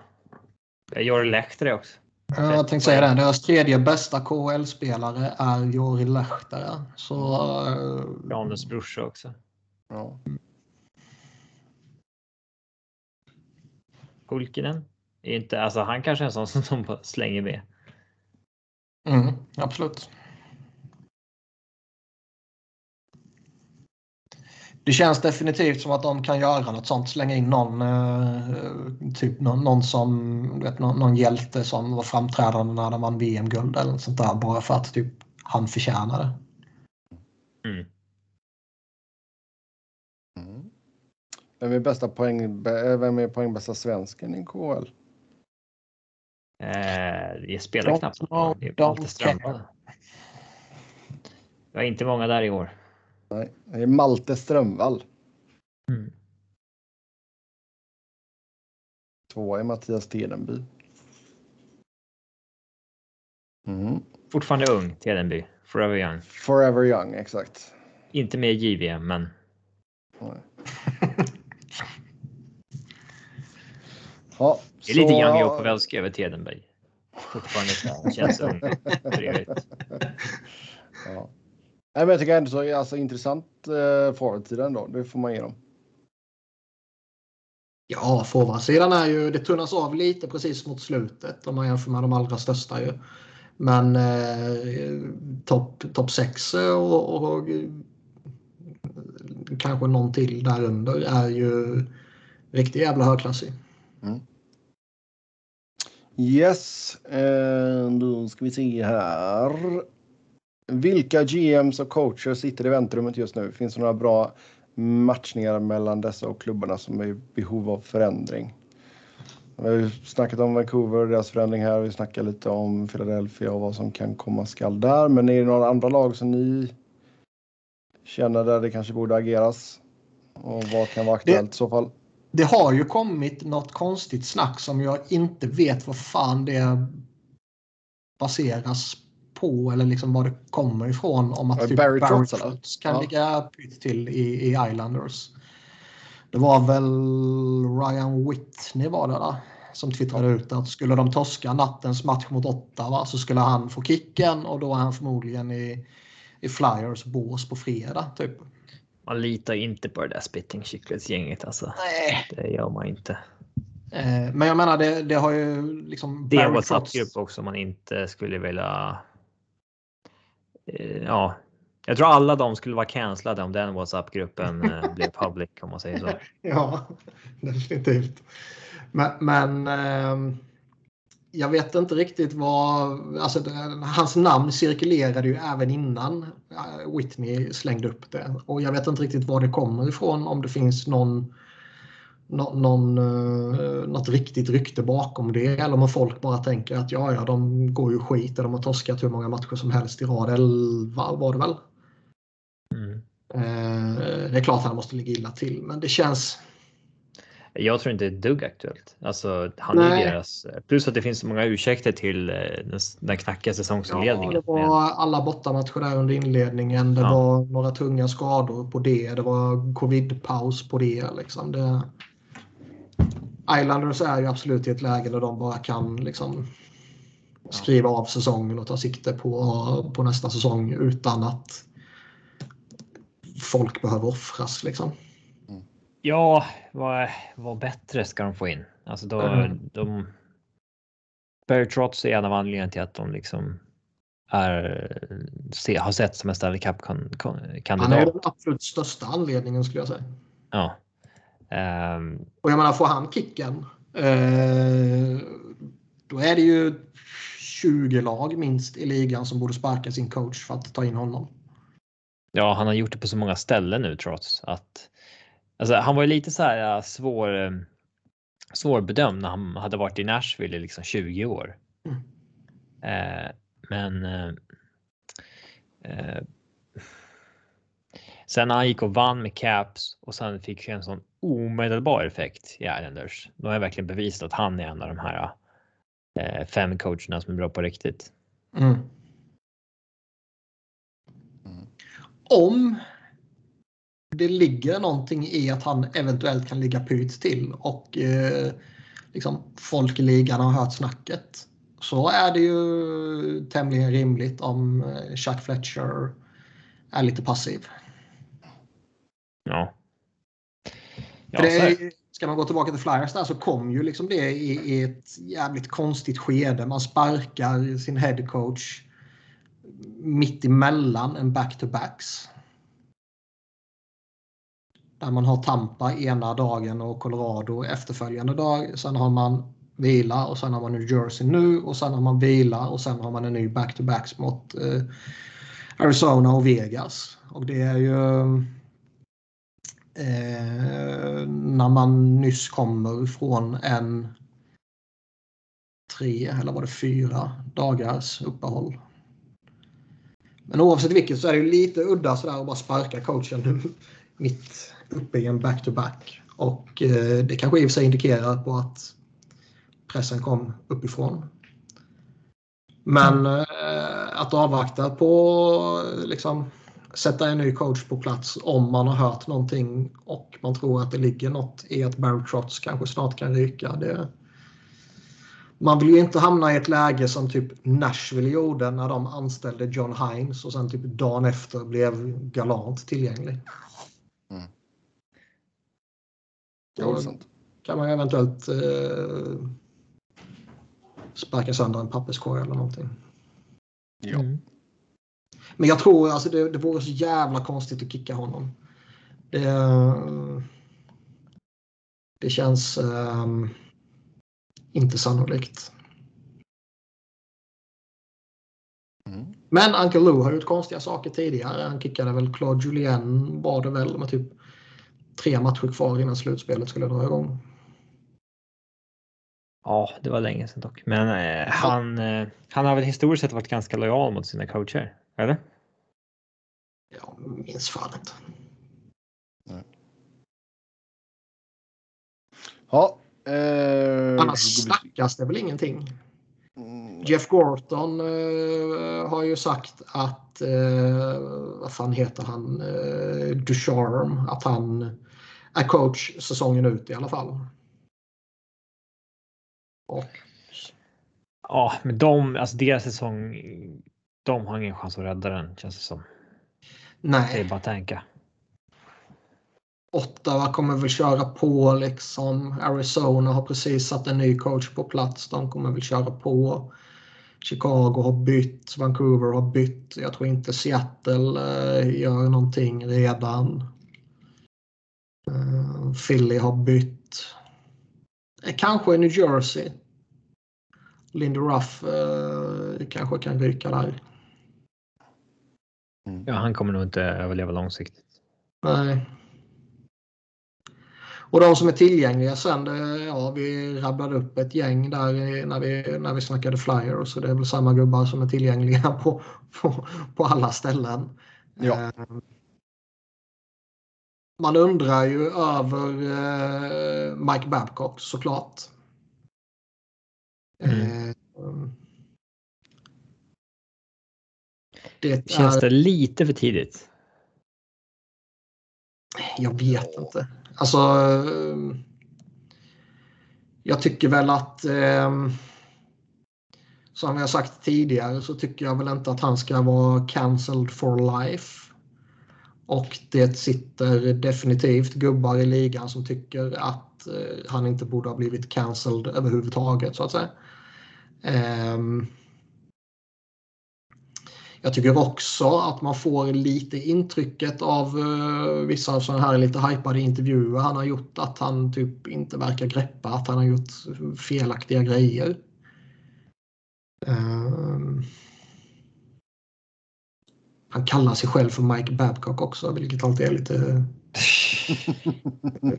udda. Men, men uh, det är väl kul folk som talar om sig själv i tredje person. det kan vara kul ibland när man gör det lite. Jag menar, det gör vi här också. Det kan vara ju skoj ibland så. Men mm. lite awkward att göra det när man pratar om sig själv i en liksom, intervju. Jo, herregud. Ha, Sebastian Norén tycker att vi borde gå vidare. Uh, och då har vi nästa fråga här. Vilka spelare har fått samma late bloomer genombrott som poddfavoriten Marchand? Om det ens finns någon som kan jämföra sig. Den är jäkligt... Uh... Den är svår alltså. Den är jäkligt ovanlig alltså. Mm. Man får alltså, ju... Det, vi har ju säga... som har pikat sent. Visst, typ Blake Wheeler liksom, men det var inte så att han var kattpiss innan. Nej, det var inte Marchand heller. Nej. Men eh, ett namn som känns jävligt uppenbart är ju Chara. Mm. Ja.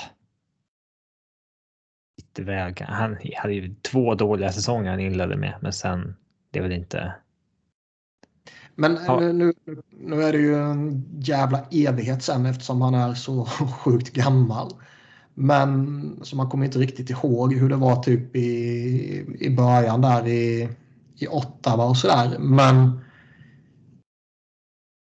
Han var inte 22 när han breakade ska, ska sägas i alla fall. Han var ju nej, äldre. Han var äldre och, och, känslan är väl att det egentligen var först i Boston som han etablerade sig på toppnivå i ligan. Mm. Alltså topp, topp, toppnivå. Men det kanske är för att man inte kommer ihåg vad fan som hände för 20 år sedan typ. Ja. Det unika med Marshall är liksom att han gick Eh, men han kom ju upp och var den här 20 mål, 20 assist spelaren med min streak och man tänkte att ah, men det här är en jävligt bra topp 6 forward att ha långsiktigt.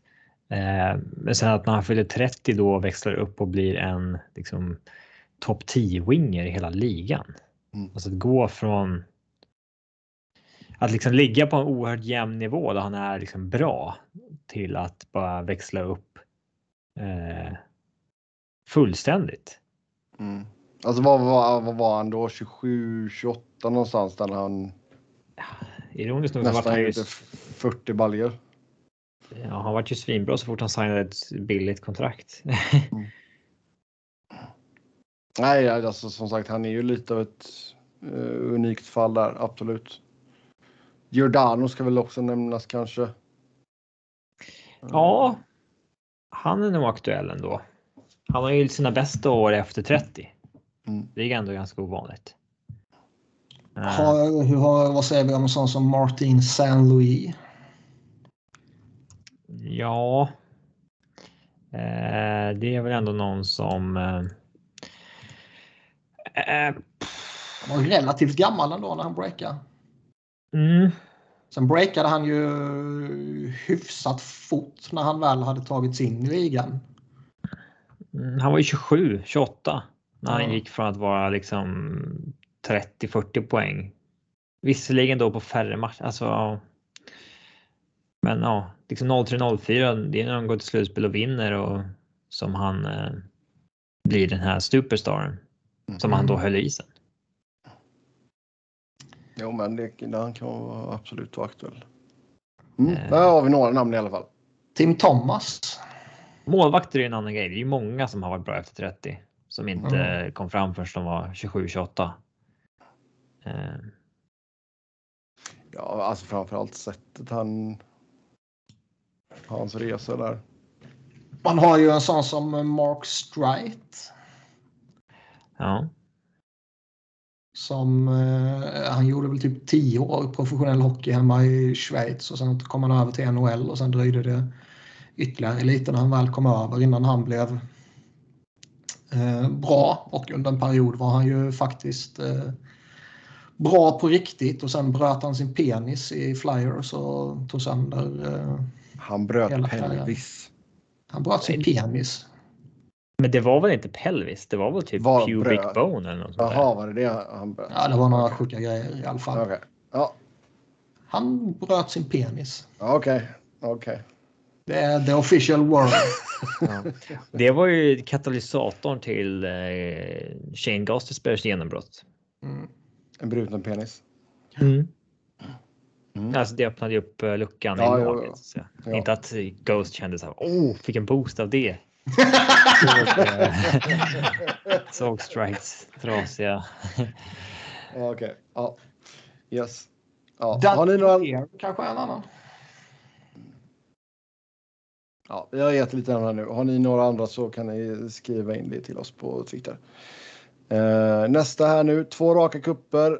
Eh, nu två poäng bakom überfantastiska Toronto och Florida trots tappet av tredje kedjan och långa stunder utan Point, Kucherov och underskattad skitviktiga Sernak. Vad mer kräver inkompetent NHL-media för att börja nämna Cooper i Jack Adams-diskussionen? Sjukt bortglömd. Han har väl varit i Jack Adams-diskussioner varje år, eller? Men menar vi specifikt ja. i år? Uh, alltså jag, har inte sett några, jag har inte sett några Jack Adams eller några uh, awards-snack överhuvudtaget här nu under första eller efter första Nej, fjärdedelen. Parodi har börjat snacka om det efter Jag tror inte han syftar på denna säsong. säsongen. Jag tror han syftar uh, över tid. Och där har ju inte, han har inte vunnit den, alltså Jack Adams. Ja, det gjorde ju inte Babcock heller när han var ligans bästa coach i liksom tio år. Nej, och det grundar sig ju i att det är aldrig den bästa coachen som vinner det priset utan det är den coachen som typ har lyckats göra den största förbättringen. Ja. Eh... Så, vad som krävs är att Tampa suger och sen blir bra igen. Mm. Sen är jag mycket mer förtroende för röstningen idag än för fem år sedan, för det är mycket mer kompetent folk som har fått börja rösta. Um... Men det kompetent alltså... folk som har börjat rösta och man eh, exponeras för sin idioti på ett annat sätt om man eh, än vad man gjorde tidigare nu när saker blir mer offentliga och lättillgängliga. Fråga Pierre Per Bjurman. Men det är ligans eh, broadcasters som röstar på Jack Adams va? Podcasters? Nej, broadcasters. ja, ge oss Alla poddpris. podcaster röstat.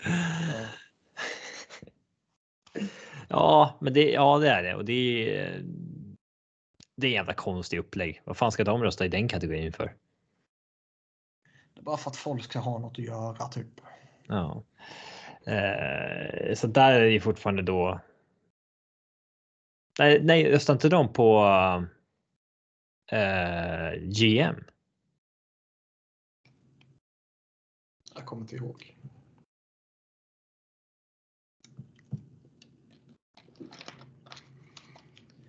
Men det är som sagt, det är för att besvara frågan. Det är ju alltid folk som tar något eh, dåligt ja. eller mediokert till något bra.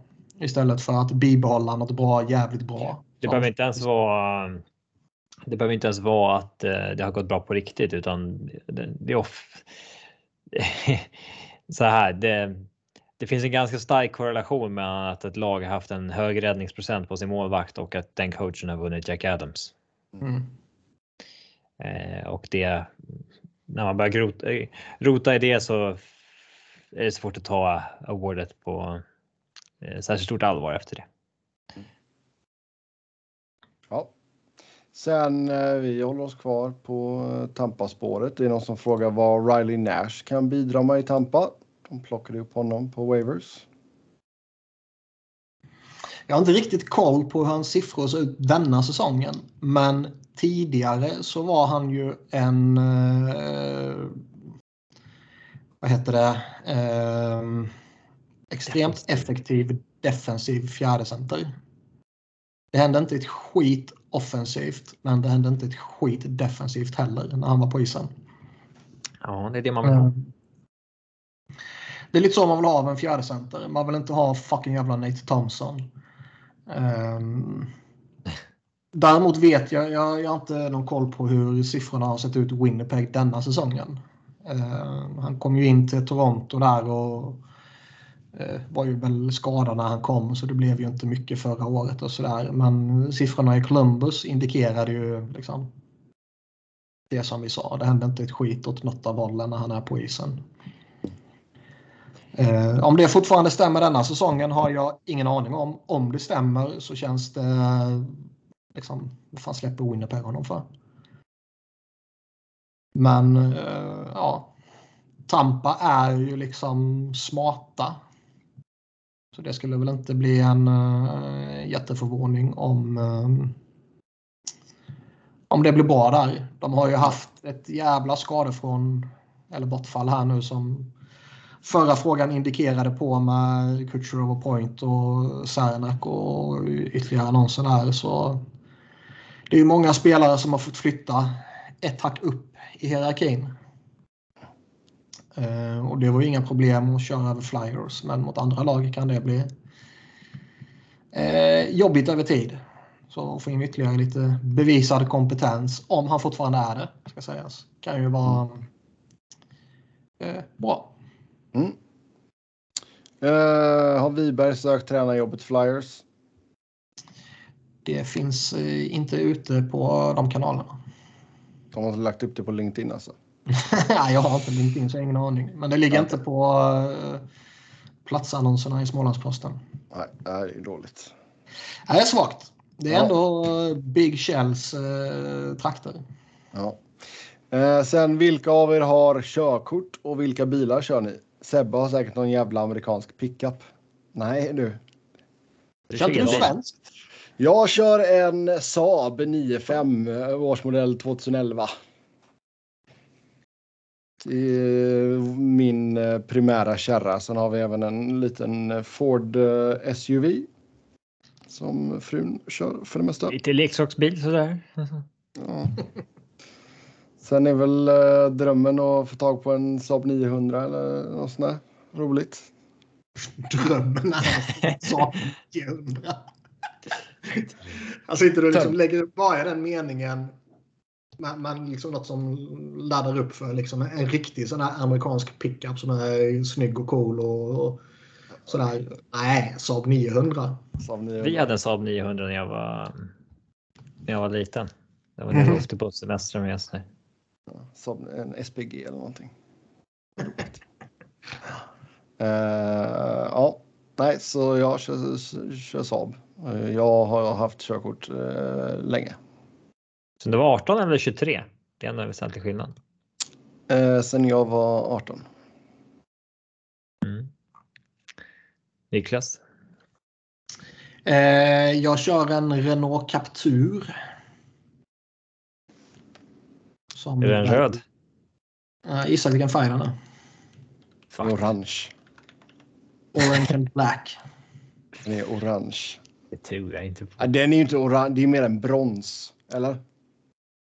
Nej, den är väl... Eh, det är mer Nej, än brons. Nej, jag skulle nog kalla den mer för brons. Jag har skickat en bild till Det har jag inte va? Ja, men jag tittar på det, det var ju inte så att jag liksom, nu ska jag hitta en orange bil. Det var inte så, utan det bara slumpade sig. Eh, kan jag absolut villigt erkänna. Men jag ska se om jag har någon. Har de, vänta nu, vad fan. Okej, okay, har du, varför har, okej, okay, de har någonting som heter Atacama Orange eller Desert Orange. Jag skickar en bild till dig. Skaffade du också körkort när du var 18? Ja, givetvis.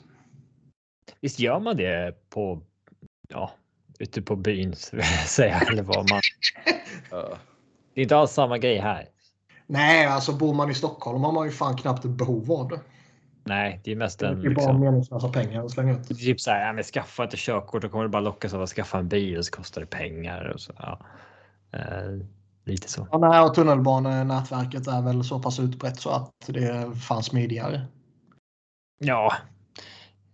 Dyrt utav helvete att parkera. Jo, men eh, ja, jag vet.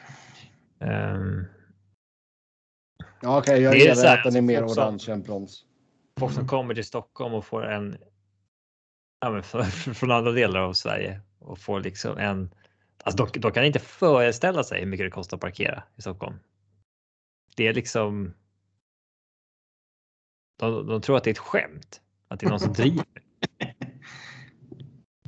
Ja, vad kostar det på timme? Jag har inte körkort. Okay. Men i vissa ställen, alltså det kan ju vara så här över hundringen i timmen och sånt där. Det är ju ganska sjukt. Ja. Det är en riktig jävla pissstad att köra bil i också. Ja, det är det. Det är en gammal Åh, jag fan inte bättre. Det är en riktig skitstad det också. Det är jävla bygg... Det är, men det är bara för att det är så jävla mycket byggen. Det är ju... Jag menar, det har ju förändrats mycket sedan jag flyttade. Eh, så det är ju fan inte ens alltid... Alltså jag kör ju med GPS när jag är på Ja. besök liksom. Mm. Jag, tror, jag tror jag har kört liksom in, inne i centrala Göteborg typ två eller tre gånger. Och det är, ja, det är helt jävla värdelöst. Syrran, syrran bodde ju där när hon pluggade lite och sådär men då bodde hon i Mölndal så då var det ju bara man blåser motorvägen rätt in och sen bara körde man av. Ja, det är ju inga problem. När man hälsade på. Det var ju chill ju. Men någon gång skulle man köra in, i, in mot stan och nej, det var ju kaos. Man har varit där någon gång tidigare och fan man kör ju fel och får vända och det är kaos. Och helt plötsligt kommer det en jävla spårvagn och är på väg att köra ihjäl dig. Ja, spårvagnarna gäller det fan att ha koll på. Och nu alla eh, idioter på elsparkcyklar också. Ja, riktig jävla skitstad är det. Ja. Eh, Alltså man tänker Så- ju inte på. Eh, man tänk, alltså har man inte spårvagnsmindsetet när man är där, då kan man ju Mm. bli riktigt. Eh, alltså både som fotgängare och. Eh, Kan du dö? ja, ja. Ja. Absolut. Jag får huvudet på skaft där. Mm. Eh, jag försökte ta körkort, men det, det blev liksom aldrig av. Det blev inte av gånger. för att du var för dålig eller det blev inte av för att det var liksom för mycket. Jag, jag övningskörde först med farsan några gånger när jag var 20. Eh, det var ingen hit så att säga. Jag tror att många, jag tror många, jag tror många tänker att så här, ja, min farsa var heller inte så bra att övningsköra med. Så här. Men min är verkligen jättedålig att övningsköra med. Eh, han är sån som inte litar på när morsan kör liksom, utan eh, som sitter då och påpekar att Hör, nu kommer en bil här. Tänk på det, tänk på det. Alltså så här, han, eh, han backseat driver ett ansikte. Liksom. Alltså det är helt otroligt ibland. Det så här, så här, gasa, gasa, bromsa, bromsa. Alltså håller på så där. Liksom. Eh, när någon med körkort i liksom 30 år kör. Eh, så när jag övningskör med honom. Då här, sitter och håller i handbromsen när man kör. Sådana förtroendeingivande grejer. Ja. Och sen så fort man har stannat så här så, han, så drar han i den. Så när man ska därifrån så kommer man inte ifrån så. Ah, i handbromsen. Måste komma ihåg den. Jag bara, men det är inte jag som har dragit i den. Varför ska då jag komma? Jag liksom, ja. Ja. Hitta Eh. dragläget. ja. Men sen så började jag köra med min morbror. Det gick väl lite bättre. Vi körde ju runt en del så att säga, men eh, sen började jag jobba heltid och mycket mer och så här. Och, så det bara rann ut i, i sanden egentligen. Eh, och det har. Eh, ja, det blev inte. Det blev inte av så att säga.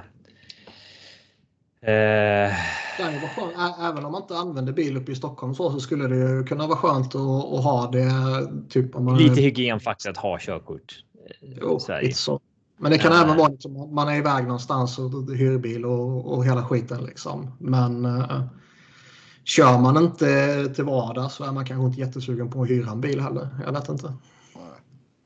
Nej, jag vet inte, men det hade väl varit. Man slipper ju köra när man ska på bortamatch och sånt där med Djurgården. Eh, Jo, men men det är alltså det är fortfarande. det är bra att kunna ställa upp också. Liksom. Ja.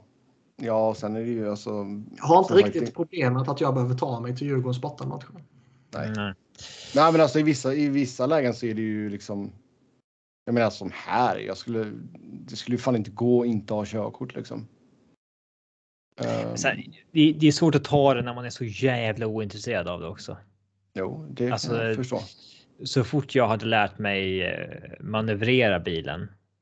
Det första gången man körde, då var man ju liksom på helspänn. Eh, jättefokuserad. Men så fort man hade lärt sig att aha, det är inte så svårt att köra.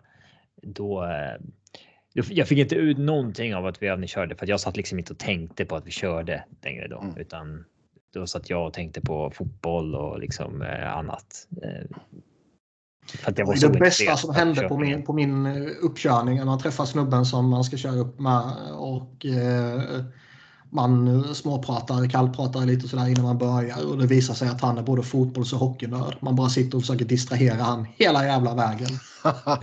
Eh, genom att snacka fotboll och hockey och jag klarade det första gången så det Mission Säger inte emot honom på någonting då heller. Utan... det är ju bra i och för sig. Mm. Alltså jag, jag tog teorin på första men uppkörningen behövdes till två försök. Uh, lite dåligt. Och då, ja, men det roliga där är också att jag, jag klarar inte uppkörningen i, i Halmstad. Halmstad? Ja. Har de ens jag, bilar i Halmstad? ja, så jag klarar inte uppkörningen i Halmstad, men sen när jag gjorde om den i Göteborg, då var det inga problem.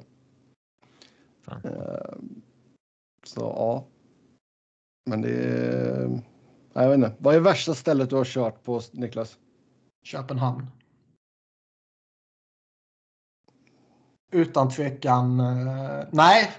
Eh, det absolut värsta jag har kört på är fan i Polen. På den sämsta jävla asfalterad väg var det. När man körde över. Det var så sjukt. Vi körde ner till JVM ju, i, i Tjeckien senast. Och eh, Man kör på autobahn i Tyskland. Fantastiskt. Helt jävla underbart. Man bara blåser på utav helvete. Och sen en millimeter efter det att man har kommit över gränsen in i Polen så är det som om man går tillbaka 50 år i flera kilometer innan det kommer typ tidernas mest moderna motorväg. Det var liksom he hela bilen skakade så jävla dålig var den vägen i, i, i flera kilometer. Men, men, om man bara pratar liksom mest svårnavigerade så utan tvekan Köpenhamn. Mm hopplös jävla stad att köra i. Ja, där får man ha GPSen på. Ja, när jag körde där eh, första gången så eh, fanns inte GPS knappt. Det var inte så att man hade det i telefonen i alla fall. Mm. Nej, det var ju också så här härligt. Jag vet någon gång så hamnade jag ju i eh, i om det var Compton eller South Central LA. När jag skulle ta mig från LAX till Santa Barbara. Jag körde fel någonstans. Eh, då var det ju när man liksom hade, man fick printa ut vägbeskrivningarna. Ja. Um, ja, nej för fan. Mm. Ja, dagens eh, kids, de skulle fan inte klara sig om man ger dem en kartbok och säger åt dem att köra till... Uh, ah, fan, det var inte kul när farsan ville öppna kartan. Och man bara, men jag vet inte vart vi är liksom. Ja. Det är så här, men det går ju ingen väg här. Kartan är ju fan 12 år gammal. Liksom det, ja. Yes. Ja, nej, vi tar och rundar av med det. Som vanligt så kan ni köta hockey med oss via Twitter. Mig hittar ni på Noren, Niklas på att Niklas Wiberg, Niklas med C, Wiberg med enkel V, Robin på R underscore Fredriksson och podden på SV Fans NHL-podd, podd med ett D. Tills nästa gång, ha det gött! Hej!